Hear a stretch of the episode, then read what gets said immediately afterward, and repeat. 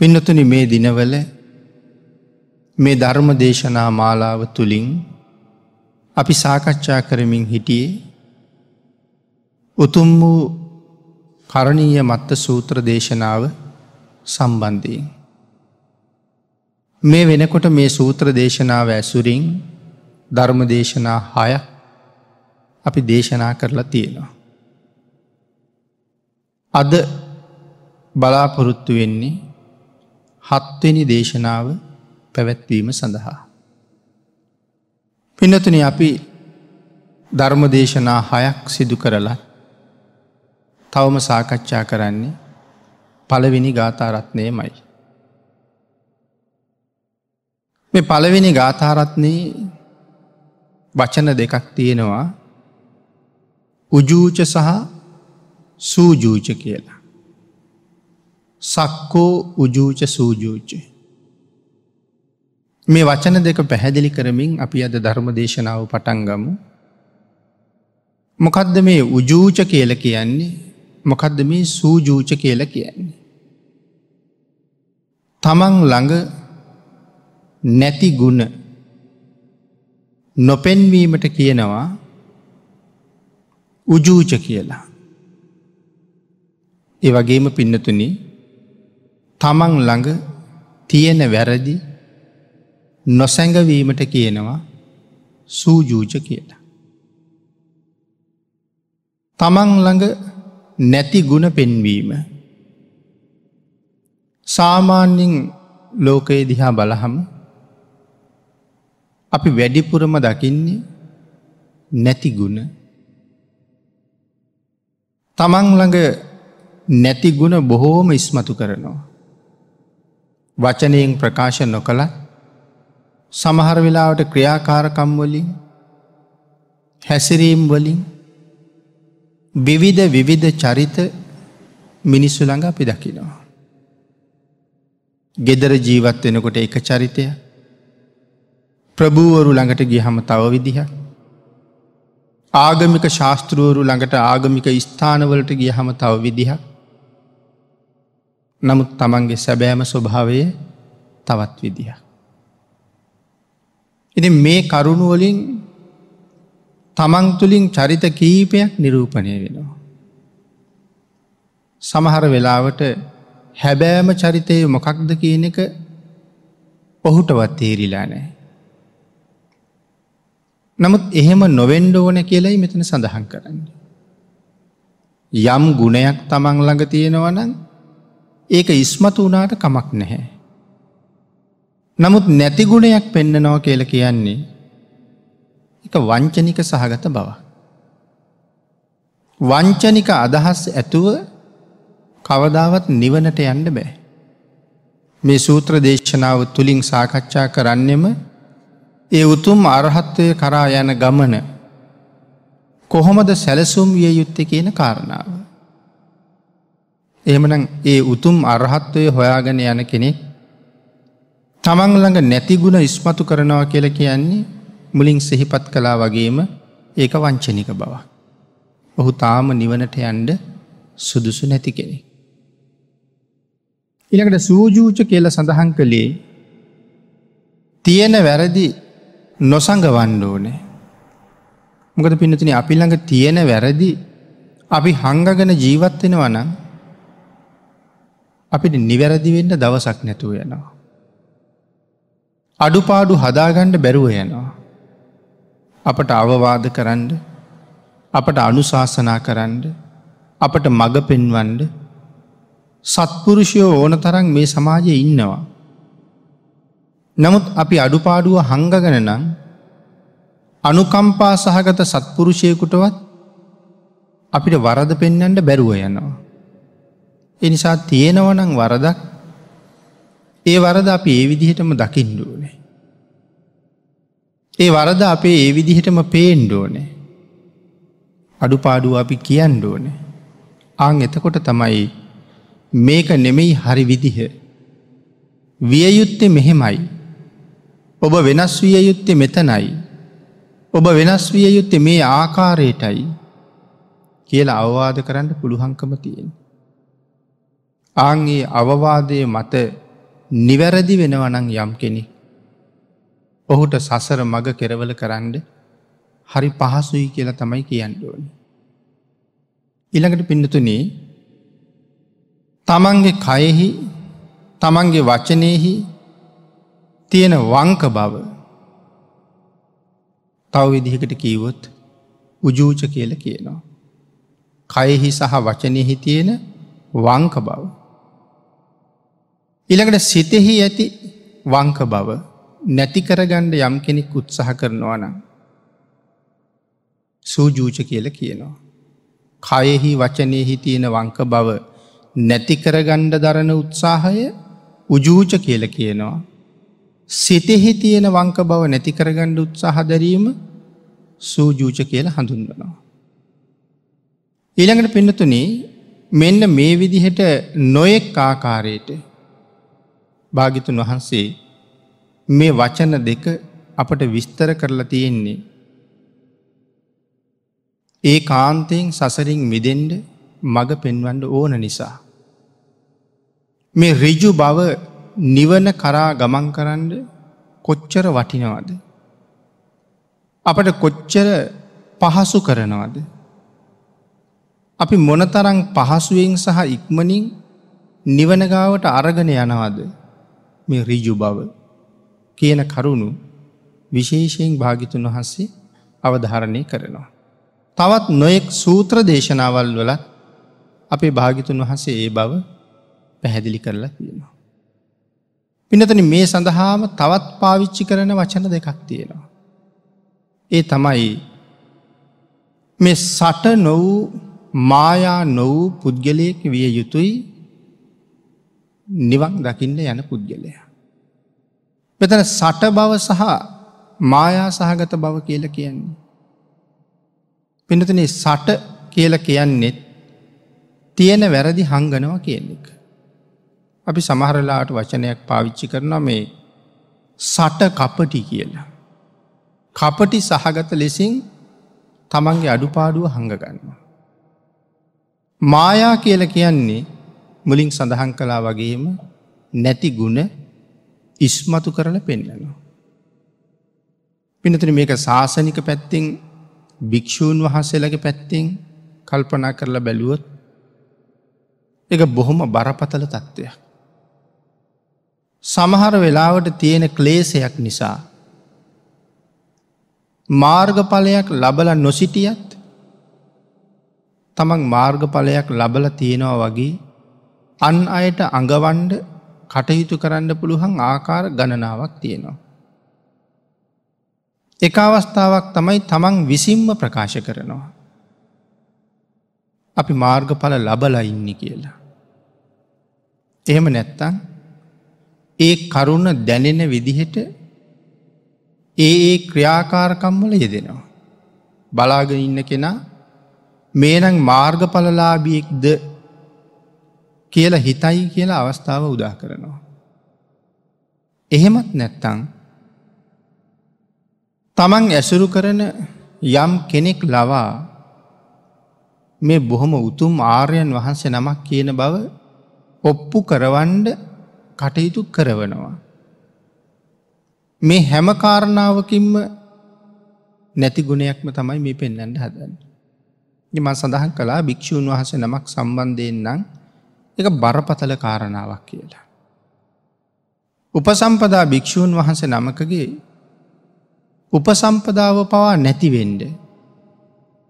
ඒ සට කපටි බව නැතං මායා සහගත බව හේතුව. එම සඳහන් කළේ පාරාජිකා පත්තියන් පැහැදිලි කරනකොට හතරවෙනි පාරාජිකාව උත්තරි මනුස්ස දම්ම තමන් ළඟ නැති උතුම් ගුණ ප්‍රකාශ කිරීම. පාරාජිකාවට හේතුව. බරපතලයි කියලකිවේ ඒක තමන් සසුනින් නෙරපෙන්ඩ හේතුව.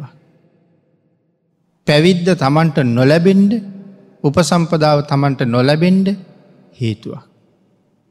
ඒ තරම් තැනක මේ කාරණාව තියෙනවා.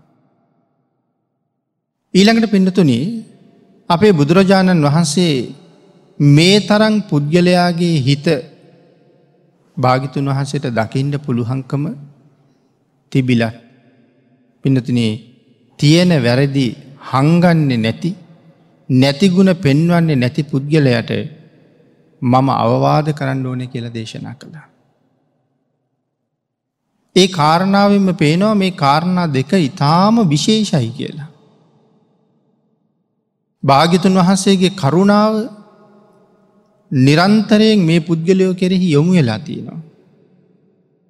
මොද ඔවුන් නිවන් දකිින්ඩම සසරින් විදෙන්ඩම වැරදි හදාගණ්ඩම ගුණ දියුණු කරගණ්ඩම බලාපොරොත්තුවෙන පිරිසා. ඉතින් එවන් කරුණු ගැන හිතනකොට භාග්‍යතුන් වහන්සෙත්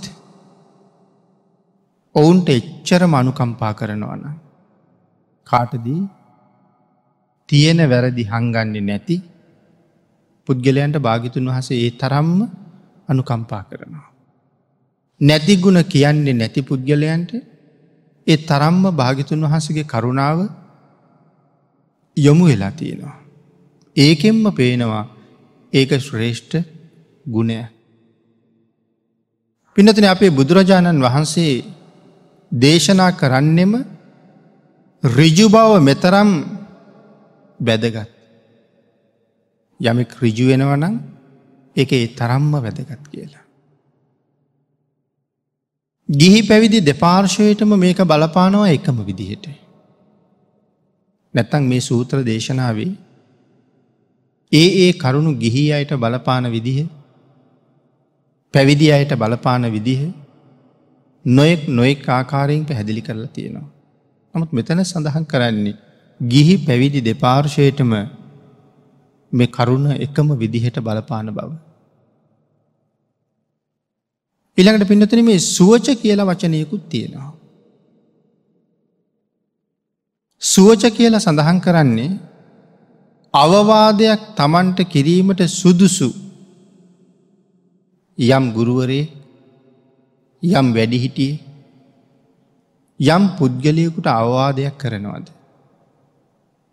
ආංගේ අවවාදය ඉතාම නිහත මානීවම පිළිගණ්ඩෝනේ. මොද වරදක් දැකලන අවවාදයක් කරන්නේ. යමෙක් ඒක පිළිගන්නේ නැත්තං ඔහු තාම වැරදි හදාගණ්ඩ බලාපොරොත්තු වෙන කෙනෙක් නෙමෙයි. වැරදි හදාගණ්ඩ සූදානන් වෙන කෙනෙක් නෙමෙයි. නමුත් භාගිතුන් වහසේ දේශනා කරනවා. යම් පුද්ගලයකුට අවවාදයක් කරනකොට. ඒ කාරණාව පිළිගන්නේ නැතුව. ඒ සඳහා තවත් නොයෙක් වචන පාවිච්චි කරනවන. තමන්ගේ වරද පිළිගන්නේ නැත්තං. එවන් පුද්ගලයන්ට අවවාද කරන්න සුදුසු නෑ කියලා. අපිට එහෙමයි සමාජය ඕන තරම් හම්බ වෙනවා. කරුණක් පෙන්නලා දෙන්න ගිය හම තමම්ම හරිවෙන්ඩ නොයෙක් වචන කියනවා. එහෙම අයට නිරන්තරයෙන් අවවාද කරන්න අවශ්‍යනය. එහෙම නැත්තං සමහරාය තමන්ට අවවාද කරන සත්පුරුෂයාව බොහෝසේ වෙහෙසනවා. වෙහෙසනව කියල ගැන ඔහු කියන ඕනෑම කාරණාවකට නිහඬවම ඉන්නවා. මේක මෙහෙමද කිය ලැහුවත් උත්තර දෙන්නේ. තමන් වැරදිද කිය ලැහුවත් උත්තර දෙන්නේ. ඔබාතින් මෙහෙම දෙයක් උනාද කිය ලැහුවත් උත්තර දෙන්නේ. ඉතින් එහෙම හිටිය හම අවවාද කරන කෙනා බොහෝසේ වෙහෙසට පත්වෙනවා. අන්න එහෙම යම් කෙනෙක් කටයුතු කරනවා නං. ඒ පුද්ගලයාටත් අවවාද කරන්න සුදුසු නෑ කියලා භාගිතුන් වහස දේශනා කරන. එහෙමනම් පින්නතුනේ අවවාදයක් කරනකොට යම් කෙනෙකුට. සාදු බන්තයේ ඉතාම හොඳයි ස්වාමීණි. තමන්ගේ වරද තමන්ට පේනවා හුඟක් අඩුයි. තමන්ගේ වැරදි තමන්ට දකිින්ට හුඟක් අපහසුයි. නමුත් ස්වාමීනී මගේ වරද දැකළ මටම අවවාද කරන්න. මටම අනුශාසනා කරන්න. මට අනුකම්පා කරන්න. වරද දුටු තැන මට ඒ වරද පෙන්නලා දෙෙන්ට. ආං එහෙම කතා කරන යම් කෙනෙක් ඉන්නවන. එවන් අය පින්නතනි හරි ශ්‍රේෂ්ඨයි. එවන් අයට නිතර නිතර අවවාද කරන්න වටිනවා. බරද පෙන්නහම ඒක ඉස්මුදනෙන් පිළිගන්නවා. ඒ පුද්ගලයෝ හරි ශ්‍රේෂ්ඨයි අං එවැනි අයට සුවචයි කියලා කියන්න පුළුවන්. කීකරුයි කියලා කියන්න පුළුවන්. පිනතුන ඒ සුවච බවට ඒ කීකරු බවට මේ ශාසනය හරීම ප්‍රසිද්ධයි අපේ රාහුල මහතෙරුන් වහන්සේ. ධර්මය සඳහන් කරන්නේ සෑම දවසකම මළු පෙත්මං ඇමදලා වැලි දෝතක් අරගෙන අහසට විසි කරලා ප්‍රාර්ථනාවක් කරනවලු. අද දවසේ මේ වැලි දෝතය තිබුණ වැලියට ගණනට මට අවවාද ලැබෙන්ඩ කියලා. ඒ තරම්ම නිහතමානීව පිළිගන්නවා. පිනතින අවවාද ලැබෙනව කියල කියන්නේ හැම දාම තමන් නිවැරදි වෙනවා. අපි හැමෝම කැමති පිරිසිදුවෙන්ඩ. ද මෙතන පිරිසිදු බව කියල කියන්නේ නිවැරදි බවට. වැරදි සඟවනව කියල කියන්නේ හැමදාම කැලිකසල ළඟ තියාගන්නවා කියන එක. බාහිර ජීවිතයේ එහෙම කැමැත්තක් අපේ නැත්තං මේ අභ්‍යන්තර ජීවිතෙත් ඒ වගේම පිරිසිදු කරන්න ඕනේ. බාහිර විතරක් පිරිසිදු කරන එක අපිට විමුක්තියට හේතුවක් නෙමෙයි.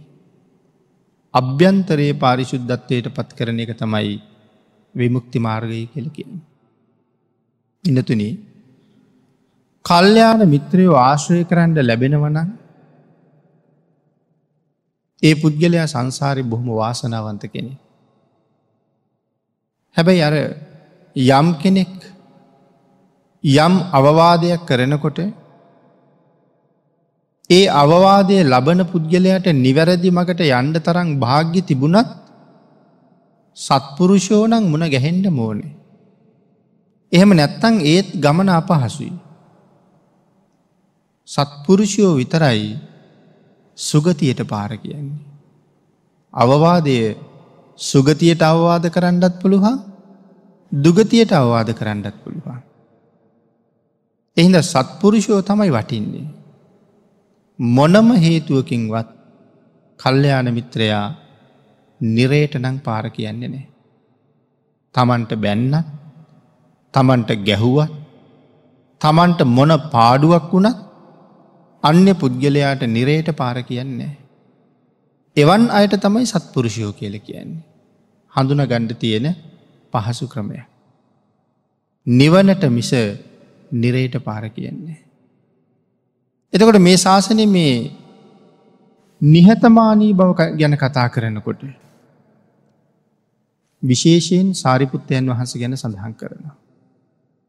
ඊළඟට මේ යම් කෙනෙක් මෘදු වෙන්ඩෝනේ.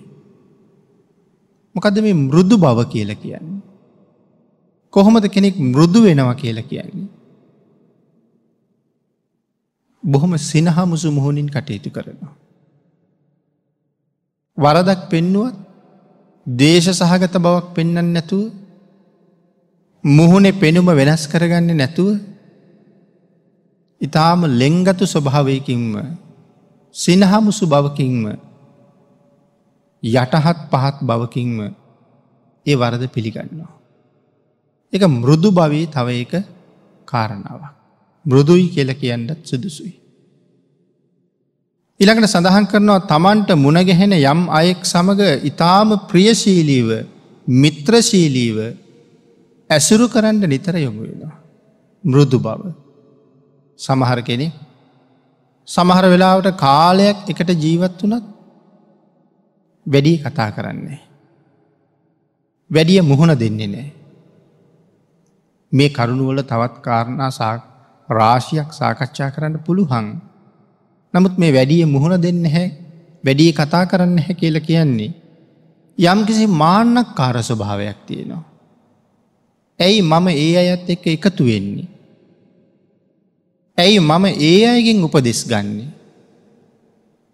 ඇයි මම ඒ අය ලව්වා මේකට උදව් ගන්නේ. මට තනියම කරන්න බැරිද. එහෙම හිතල අන්න අයගේ අවවාධනු ශාස්තනාවක් ලබන්නේ. තමන්ගේ කාරණාවලට සම්බන්ධ කරගන්නේ නෑ. නිරන්තරයෙන් රෞද්‍ර බවක් තියෙනවා. එනතිනේ එහෙම කෙනෙකුට මෘදුයි කියල කියන්නේ නෑ. එහෙම නොවෙන ඉතාම ගුණගරුක පුද්ගලයකුට තමයි ප්‍රියශීලී පුද්ගලයකුට තමයි මෙතන මෘදුයි කියල සඳහන් කරන්න. පිඩතුන යම් කාරණාවක් සම්බන්ධයෙන් කලින් තමන් තීරණයක් ගත්තනං. අපි යම් යම් කටයුතු කරනකොට මේ කාර්ය මේ විදිහටයි කළ යුත්තේ. තීරණය කරලා තියෙනවා මම එහෙම. නමුත් මම කළ තීරණයට වඩා ඒ කාර්ය බොහොම උසස් ආකාරයෙන් නිමා කරන්න තව පුළුහංකං තියෙනවා. යම් කෙනෙක් ඒ බව දැනගෙන මට ඇවිල්ල උපදේශයක් දෙනවා. මෙයින් හරියටම පල ලබන්ඩ නං. මේක හරියටම සාර්ථක කරගණ්ඩ නං ඔහොම නෙමෙයි වෙන්ඩෝනෙ මෙහෙමයි. කියල අවවාද කරහම ඒ අවවාදය නොසලකා තමන් කලින් එල්බගත්ත මතය තුළම යම් කෙනෙක් ඉන්නවන ඒ පුද්ගලයා මෘදු පුද්ගලයෙක් නෙමි. එහෙ මය අපිට ඕන තරම් හම්බ වෙනවා. තමන් හිතපු දේම තමයි හරි. හැබි පස්සේ අයට හුඟ වරදිනවා. එහෙම වැරදුනත් මම අර පුද්ගලයා කියපුදේ ඇහුවනං මට මෙහෙම වෙන්නේ නෑනෙ කියලා හිතලා නැවත හෝ උපදේශයක් ගණ්ඩ තරන් කල්පනාවක් කල්පනාවක් නෑ. ඔවුන් මෘදු නැති අය. විශේෂයෙන් සඳහන් කරනවා එවන් බුද්ගලයෝ වෙනස් කරන්න හරි අමාරුයි කියලා. ඊළඟට පිඩතුන අපි මුලින් සෙහිපත් කරපු නිහතමානී බව. තමන්ගේ ජාතිය තමන්ගේ ගෝත්‍රය තමන්ගේ කුලය තමන්ගේ පරම්පරාව තමන්ගේ තත්ත්වය තමන්ගේ රැකියාව තමන්ගේ අධ්‍යාපන සුදුසුකන් මෙන්න මේ මේ ආදී නොයෙක් කාරණා නිසත්. ඒ වගේම ශරීරාංග උසමහත පෙනුම රුවලස්සන මේවාගේ නොයෙක් කාරණා සම්බන්ධයෙන් සමහර කෙනෙක් මානයට පැමිණෙනවා. අපි හරි උසස් කියලා හිතෙනවා. ඒ උසස් කියලා හිතන කාරණා ගොඩක් තමයි පැහැදිලි කළේ ජාතිය නිසා කුලය නිසා ගෝත්‍රය නිසා මට්ටම රැකියාව නිසා ශරීරාංග නිසා රුවලස්සන නිසා බොහෝ කාරණා සම්බන්ධයෙන් අහංකාරවෙන්ට පුළුවන්. නමුත් වින්නතින යමෙක් එහෙම නොවෙනවන්න එවන් අය හරි ශ්‍රේෂ්ඨයි. විශේෂයෙන් සඳහන් කළේ යමෙකුට මදය ඇතිවෙන්ඩ තවත් කරුණු ධර්මය සඳහන් කරනවා කාරණා විසි අටක් යටතේ මදය ඇතිවෙන්න පුළුවන් කියල. මෙතන මදය කියල කියන්නේ මානය ඒකීවෙත් තමන් පිළිබඳව තියෙන මැනීම යම් කෙනෙක් මාන්නාධිකව කටයුතු කරනවන. ඒ ඔහුට පිරිහීමට ලොකු හේතුවක්. ඒ වගේම සඳහන් කරනවා යමෙක් මාන්නයෙන්ම ජීවත්වෙනවන. මරණින් පස්සේ ඉතාම දුක්කිත තැන්වල ඉපදෙන්ට තියෙන කාරණ හේතු බොහොමයි කියලා. මානේන මක්කට හෝති. මානය නිසා වඳුරෝ වෙලා ඉප දෙනව කියල සඳහන් කරනවා. මේ සම්බන්ධ කාරණාවක් ධර්මයත් පැහැදිලි කරනවා ඇමතිවරු දෙන්නෙක් සම්බන්ධයෙන්. බොහෝම හොඳට දන් දෙෙන අය නමුත් මේ එක ඇමතිවරයෙක්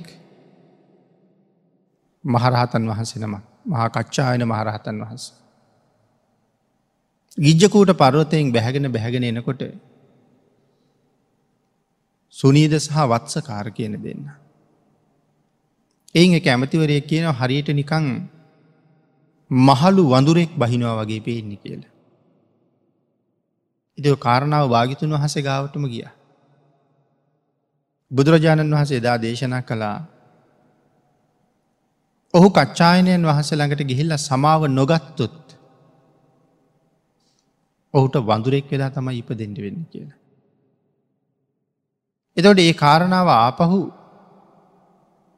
ඔහුටත් අහන්ඩ ලැබුණ මම ගැන භාගිතුන් වහසේ මෙන්න මෙහෙම දේශනා කරලා තියෙනවා. සමාව ගත්තේ නැත්තං මේ වචනයේ පාපයට වඳුරෙක් වෙන්ඩ වෙනවා කියලා. නමුත් ඔහු සමාව ගණඩනම් තීරණය කළේ නෑ. හැබැ අපිට වඩා ඒත් හොඳයි. අපිට වඩා හොඳයි. ඇයි මම අපිට වඩා හොඳයි කියල සඳහන් කළේ. බුදුරජාණන් වහන්සේගේ ශ්‍රීමක දහත්තුවෙන් යමෙක් ගැන යමක් දේශනා කලා නං. යම් කාරණාවක් භාගිතුන් වහසේ දේශනා කලා නං එහි වෙනසක් නං කවදාවත් නෑ. ඒ එසේමම තමයි. කියන කාරණාව පිළිගණ්ඩ තරම් ඔහුට ශ්‍රද්ධාව තියෙනවා. අපිට පින්නතන බොහෝ වෙලාවට එහෙම ශ්‍රද්ධාව නෑ. ඒකයි මම සඳහන් කළේ අපිට වඩා හොඳයි කියලා. දැ බලන්නකො භාගිතුන් වහන්සේ අපිට පන්සිල් පිළිබඳව දේශනා කළා. ගිහි පැවිදි දෙපාර්ශයටම මේ කාරණාව පැහැදිලි කරනවනි. ප්‍රාණගහත කළොත් විපාකය මේකයි. හොරකං කළොත් විපාකය මේකයි. මෙවිදියට සිල්පද පහම දේශනා කරලා මේ සිල්පද පහම කර්ම පත හැටියටත් පැහැදිලි කළා. ඇයි කර්ම පත කියල කියන්නේ මරණයෙන් පස්සේ අනිවාර්යෙන් නිරේට පමුණුවනවා. කර්ම පත කියල කිය ඒකයි. කරුමනං ඕන තරන් අපි අතින් සිද්ධ වෙනවා. කර්ම සිද්ධ නොවී ජීවත් වෙන විදිහවත් අපිට තේරෙන්නේ. නමුත් පින්නතුන ඒ වගේ අනිවාරයෙන් නිරේට පමුණුවනවා කියලා දේශනා කරන්නේ. නමුත් කරුම සිද්ධ වෙලා සිද්ධ වෙලා සිද්ධ වෙලා එකතු වෙනවයිති. ඇයි පිප්පලි කුමාරයා ගිහිගෙදරත් හරින්න තීරණය කළේ. තමන්ගේ කුඹුරයායට යනකොට ගොවියෝ හානවා නගුල පස්සෙන් ගුරුල්ල කොබෙයු බොහෝසේ යනවා. අනික් පිරිසගෙන් ඇහුව මොනවදර සත්තු අහුලන්නේ. ස්වාමීනී නගුලට මතුවෙන පනුව කුරුමිනිියෝවාගේ සත්තු. ඉතින් ඒ සත්තු මරාගෙන කෑවහම අවුලලා ගිලගත් හම පවුනේද කියලෙහුවා. එහෙමයි ස්වාමීණී. ඒ පව කාටද කියලෙහුවා. මේ කුඹුරුයායේ ආදායම ඔබහන්සට නං ඒ පවත් භාරගණ්ඩ වෙනවා කිව්වා. ඉතින් ඊට පස්සේ තීරණය කළා. මේ තරන් කරුම රැස්වෙනව නං මේ ගිහිගෙදර තවත් ජීවත්වනය එක තේරුමක් නෑ. සසරින් මිදෙන්ඩ නෙමෙයි වෙන්නේ තව තව සසර දික් කරගන්නඩ. එහින්ද මේ ඔක්කොම දාලා මං මහන වෙනවා කියල තීරණය කළේකයි. නමුත් පිඩතුන මහා ප්‍රඥාවන්තයෝ එවන් කරුණු ගැන එහෙමත් හිතුවා. නමුත් අපේ භාගිතුන් වහන්සේ සකල සත්වයා කෙරෙහි අනුකම්පාවෙන් තමයි මධ්‍යම ප්‍රතිපදාව දේශනා කළේ. අපි මිදුලාතු ගාණ්ඩ ගිය සත්තු කී දෙනෙක් මැරෙන වැද්ද. ගේ අතු ගාණ්ඩ ගියහම් සත්තු කොච්චර මැරෙනවද. මකුළු දැල් කඩනකොට අනුන්ගේ ගෙවල්නෙ විනාස කරන්නේ. නමුත් අපිට මකුළු දැල් නොකඩා ඉන්න පුළු හන්ද. එහෙමුණත් අපිට ගෙවල්ලත් හැරල තම යන්ඩ වෙන්න. ඉතින් එහෙම වෙච්චහම ජීවත්වෙන්ට හරි අමාරුයි. ඒ නිසා මකුළු දැල් කඩනකොට භාගිතුන් වහස දේශනා කළේ මේ යට ඉඳල උඩට පිහගෙන යන්න කියලා. භික්ෂූන් වහසරත් පුළුව මකුළු දැල්ලයින් කරන්නට. යට ඉඳල උඩට පිහින්ට. එතට බොහෝ වෙලාවට ඉන්න සත්තු ටික උඩට යනවා. දැල විතරක් කැඩෙනවා. සත්තුන්ට හානිවෙන්ඩ තියෙන ප්‍රමාණය ඉතාම අවමයි. එහෙම නැතුව මකුළුවන්ගේ ගෙවල්ටික විනාශ කරහම සසර අපත් ගෙවල්ටික විනාශ වෙලා විපාක දෙනවා කියල කාරණාවක් භාගිතුන් වහස දේශනා කළෙන්න හැ. ඒකටයි මේ මධ්‍යම ප්‍රතිපදාව කියල කියන්නේ. එම නැතිවුණොත් අන්තගාමී මකුළු දැලක්වත් අයින් කරන්න එපා මිදුලක්වත් අතු ගාණ්ඩ එපා ඇඳුමක්වත් හෝදන් එපා මේ ඇඳුම් හෝදනකොට කොච්චර සත්තු මැරෙනවාද. නාණ්ඩගිල් ඇඟාතුල්ලනකොට මොන තරං සත්තු මැරෙනවාද. ඉතින් ඒවත් එපා කිවනං ජීවත්තෙන්ට බැහැනේ. ඒකයි මධ්‍යම ප්‍රතිපදාවක් දේශනා කරලා තියෙන. කුඹුර කොටන්ඩගේ හම පනුව කොච්චර කැපෙනවාද. කරුමයක් තියෙනවා. නමුත් ඒ අපිව නිරේට ගෙනියන්න ප්‍රබල ප්‍රබල නෑ. හැබැයි උදැල්ල උත්සලා කොටනකොට මේ උදලු තලයට අහුවෙන ප්‍රමාණය ඉන්න පනුවෝ කකුළුවෝ මැඩියෝ මේ ගෙම්බෝ ආදි සත්තු සියලු දෙනාම විනාසවේවා කියලා හිතාගෙන කෙටුවොත් අන්න කර්මපතයක් තිය. මොකද මේ සීලයේ පින්නතුනි භාගිතුන් වහස දේශනා කළේ එක එක මට්ට මේ ප්‍රමාණයට. ගිහි අයට දේශනා කරපු සිල් ප්‍රමාණය නෙමේ භික්‍ෂූන් වහසලට දේශනා කරලා තියෙන. සාමනේර භික්‍ෂූන් වහන්සේට දක්වපු ප්‍රමාණය නෙමේ උපසම්පදා භික්ෂුවට දැක්වේ. තැන් සාමනේර භික්ෂුවකට නමුත් පොළොව හාරන්ඩ එපා කියලා තහනම් කරලා නෑ. හැබැයි උපසම්පදා භික්‍ෂූන් වහන්සේට තමන්ගේ ඇගිල්ලෙන්වත් නියපොත්තෙන්වත් පියවි පොළොව හාරණයක තහනම් කරලා තියෙනවා. එක මං සඳහන් කළේ සීලයේ මට්ටන් තියෙනවා කියලා. ඉතින් භාගිතුන් වහසේ මේ විදිහට කරුණු ඕන තරන් අපිට දේශනා කළා. පිනතින අපි ඒ විදිහටම ඒ කරුණු පිළිගන්නව නම් අපි හැමෝම පන්සිල් රකිනය බවට පත්තෙන් ඩිපේ.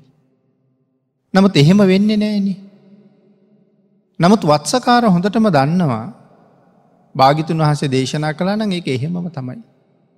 ආං ඒ නිසා තමන්ගේ පිරිසට කියනවා මේ ගිජ්ජකූටේ අවට සම්පූර්ණ පළතුරුව වන්ඩ කියලා. පළතුරු වවල ආරක්ෂක හමුදාවක් යොදනවා මේ ගස්වල පළතුරු කවුරුවත් කඩන්ඩ දෙන්නෙපා. කාටවත් කඩන්ඩ දෙන්නෙපා වරකින්ට. මොකටදී. වත්සකාර හොඳාකාරෝම දන්නවා මම මැරිල වඳුරෙක් වෙනවා. ද මේ වඳුරට කණ්ඩ දැම්මම කෑම සපයනවා. පේනවද මානී තරම. රහතන් වහන්සේ ළඟට ගිහිල්ල. ස්වාමිනි මංගතින් මෙහෙම වැරදි වචනයක් කියවුණා. වැරදි අදහසක් පහළ වුණා. අනේ ස්වාමිනි මට සමාවෙන්ඩ කියල කීවනං ඒකෙන් විදෙන්ට තිබුණා. එනම් භාගිතුන් වහස දේශනා කරනවා මෙන්න මේ මානය කියන කාරණාව. මේ සංසාරය අපි බොහෝ දුකට පත් කරනවා. සසර බොහෝචයේ දුරට අපි අරං යනවා. එඳ මාන්නක්කාර නොවෙන්ඩ. මෘදුවෙන්ඩ නිහතමානීවෙන්ඩ. ආං එවන් නිහතමානී උතුමන් අතරේ සාරිපුත්තයන් වහන්සේ මග්‍රයි. මහරහතන් වහන්සේලා හැමෝම එහෙමයි. නමුත් සියලු දෙනා අතර සාරිපුත්තයන් වහන්සේ අග්‍රයි. පිනතුන මේ ශාසනයේ සැරියුත් මහරහතන් වහන්සේ කියලා කියන්නේ කවුද එතකොට.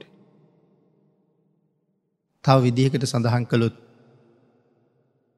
සංග ශාසනය කෙලවර කියල හඳුන්නලා තියෙන්නේ. ඇයි සංග ශාසනය කෙලවර කියල කියන්නේ. මේ ශාසනයේ කිසිම භික්‍ෂූන් වහන්සේ නමකට සැරියුත් මහරහතන් වහන්සේ පහු කරලන යන්න බෑ. ඒ පහු කරන්න බෑ කියලකිව මේ පාරයනකොට පහු කරන්න බෑ කියන එකද. ගුණයෙන් ඉක්මවන්ඩ බෑ කියන එක.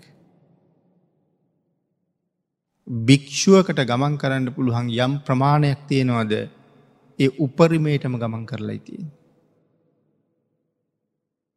සාරිපුත්තයන් වහන්සේට වඩා උඩින් වැඩ හිටිය නං ඒ ලෝතුරා බුදුරජාණන් වහන්සේ. ති මේ කාලි පසේ බුදුරජාණන් වහසල නැහැනේ හිටියනං උඩින් වැඩඉන්න පසේ බුදුරජාණන් වහන්සේ. නමුත් මේ කාලි වැඩඉන්නේ සාරිපුත්තයන් වහන්සේට උඩින් ඉන්න භාගිතුන් වහස විතරයි. ඒ තරම්ම ගුණවත්. නමුත් එතරම්ම මහ ගුණ දරණෑ මේ මහා ශ්‍රාවකයන් වහන්සේ කොයි තරංනං නිහතමානීද. මාන්‍යය එහෙම තිබුණනං කොහොම වෙයිද. නමුත් උතුමන්ගේ මාන්‍යය නැහැනේ ඒක අර සඳහන් කළේ සමහර කෙනෙක් තමන්ගේ ජාතිය නිසා කොයි තරං මාන්‍යයට පත්වෙනවාද. තමන්ගේ ගෝත්‍රය නිසා කුලය නිසා මේ අකුරක් නිසා අපි දන්නවනේ සමහරයගේ මුලකුරු කියල අපි කතා කරන්නේ. මේ අකුර නිසා මොන තරං මාන්‍යයට පත්තිච්චා ඉන්නවද අපි යහවල් අය නිවනින් කොයි තරං ඈතද. මොන තරං අඥ්ඥානදේ අය. තමන්ගේ උගත්කම නිසා රැකියාව නිසා අපි ඒක එහෙම සඳහන් කළේ.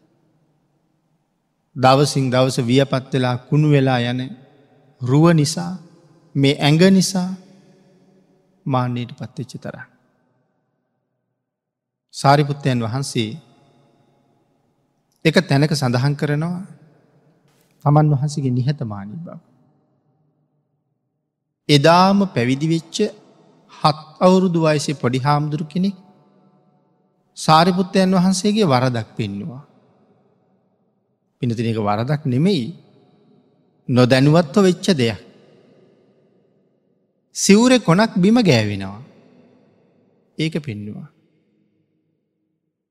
ඊට පස්සේ උන්වහස වෙන තැනකට ගිහිල්ල. තමන්ගේ සිවුර මනාව සකසගෙන ඒ හත් අවුරුදු වයිස පොඩි හාමුදුරුව ළඟට ආපහු වැඩල දෝත එකතු කරගෙන උන්වහසද කියනවා තදහු පබ්බ ජිතෝ සන්තෝ ජාතියා සත්ත වස්සිකෝ සෝපිමං අනුසාසෙය සම්පටිච්චාමි මත්තකි.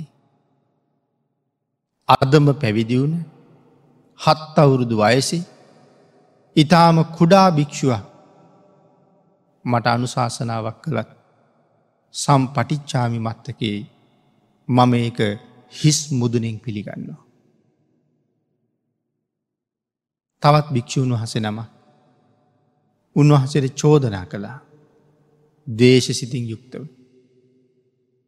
භාගිතුන් වහස එක්තරා වස්කාලයක වස්කාලෙ නිමාවෙලා භාගිතුන් වහස වඩිනවද කියල බලාගෙන හිටිය. නමුත් භාගිතුන් වහස වඩින් නැහැ වගේ මහා මණ්ඩලි මධ්‍ය මණ්ඩලි වඩිනව කියලා භාගිතුන් වහස වඩින ස්වභාවයල් තියෙනවා. වස් අවසං වෙච්ච ගමම්ම භාගිතුන් වහස එතනින් චාරිකාව ආරම්භ කරනවනගේ මහා මණ්ඩලේ වඩින්ඩයි සූදානම. ඉති මෙදා සැරේ බැලුව එහෙම වඩින බවක් පේන්න නෑ. එනම් මම වඩින්ඩෝනෑ. බුදුරජාණන් වහන්සේගෙන් අවසර අරගෙන උන්වහස පිටත් වනා. විශාල භික්‍ෂූන් වහසල පිරිසා සැරියුත් මහරහතන් වහසගේ පිටි පස්සෙන් හිටගත්තා. උන්වහසත් එක වඩින්ඩ.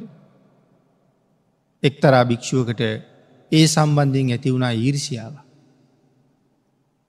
සාරිපුත්තයන් වහන්සේත් එක මෙච්චර පිරිසක් එකතු වෙන්නේ ඇයි කියලා. ආගෙ හින්ද කල්පනා කළා මේ ගමන නවත් අන්ඩුවනේ. චෝදනා කරන්න ඕනේ. බුදුරජාණන් වහන්සේ ළඟට ගිහිල්ල කියනවා ස්වාමීණී අර සාරිපුත්තයන් වහන්සේ මගේ ඇගේ හැප්පුුණා. නමුත් නිකමටවත් මන්දිහා බලල බෙච්ච වරදට සමාවෙන්ඩ කියලවත් කීවෙන. මෙහෙම කියල චෝදනා කරනවා. භාගිතුන් වහස කල්පනා කළා සාරිපුත්තයන් කියන්නේ මේ ශාසනී කවුද කියන එක පෙන්නලා සාරිපුත්තයන් වහසගේ නිර්දෝෂී බව ඔප්පු කරන්නේ. බොහෝ දෙනාට ඒක හොඳ ආදර්ශයක් බවට පත් කරවන්න මේක හොඳ වෙලාව.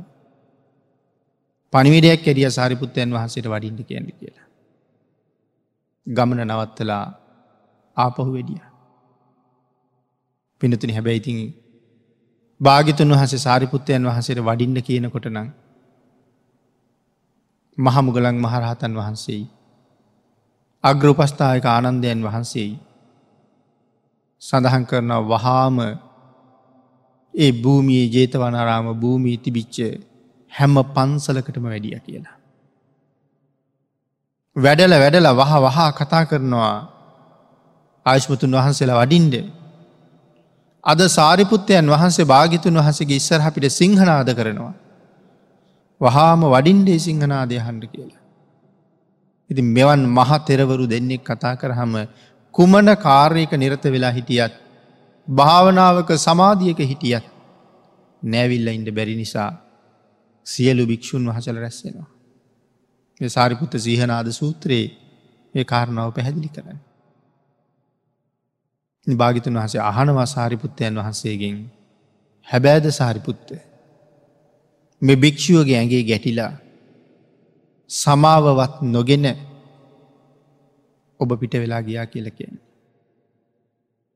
සාරිපුත්තයන් වහන්සේ තමන් වහන්සේගේ නිර්දෝෂී බව ඔප්පු කරන්න. කරුණු නමයක් දේශනා කරන. ඒ කරුණු නමේම උන්වහසේ මනාව පැහැදිලි කරනවා. තමන් කොයි තරං නිහතමානී කෙනෙක් කියන කරුණු දක්වන්ට. පිනති අන්තිමට අර භික්‍ෂූන් වහසේ බය වෙනවා. ශරීරයෙන් දාඩිය වැැක්කරෙන්ට පටන්ගන්න. භාගිතන් වහස දේශනා කරනවා සාරිපුත්තය මොහුට අනුකම්පා කරන්න කියලා. පිනතිනේ කාරණා නමයත් මේ මානය පිළිබඳව කරුණ තහවුරු කරන්න දේශනා කරන්න වටිනවා. නමුත් අපිට ධර්ම දේශනාවට කාලයේ දැනට නිමා වෙලා තියෙන නිසා. අපි ධර්ම දේශනාව නිමා කරමු ඉදිරි දේශනාවේදී ඒ කාරණාවත් ටිකක් සාකච්ඡා කරමින්ම කරණීයමත්ත සූත්‍රයේ ඉදිරියට සාකච්ඡා කරන්න ඉඩතියාගෙන.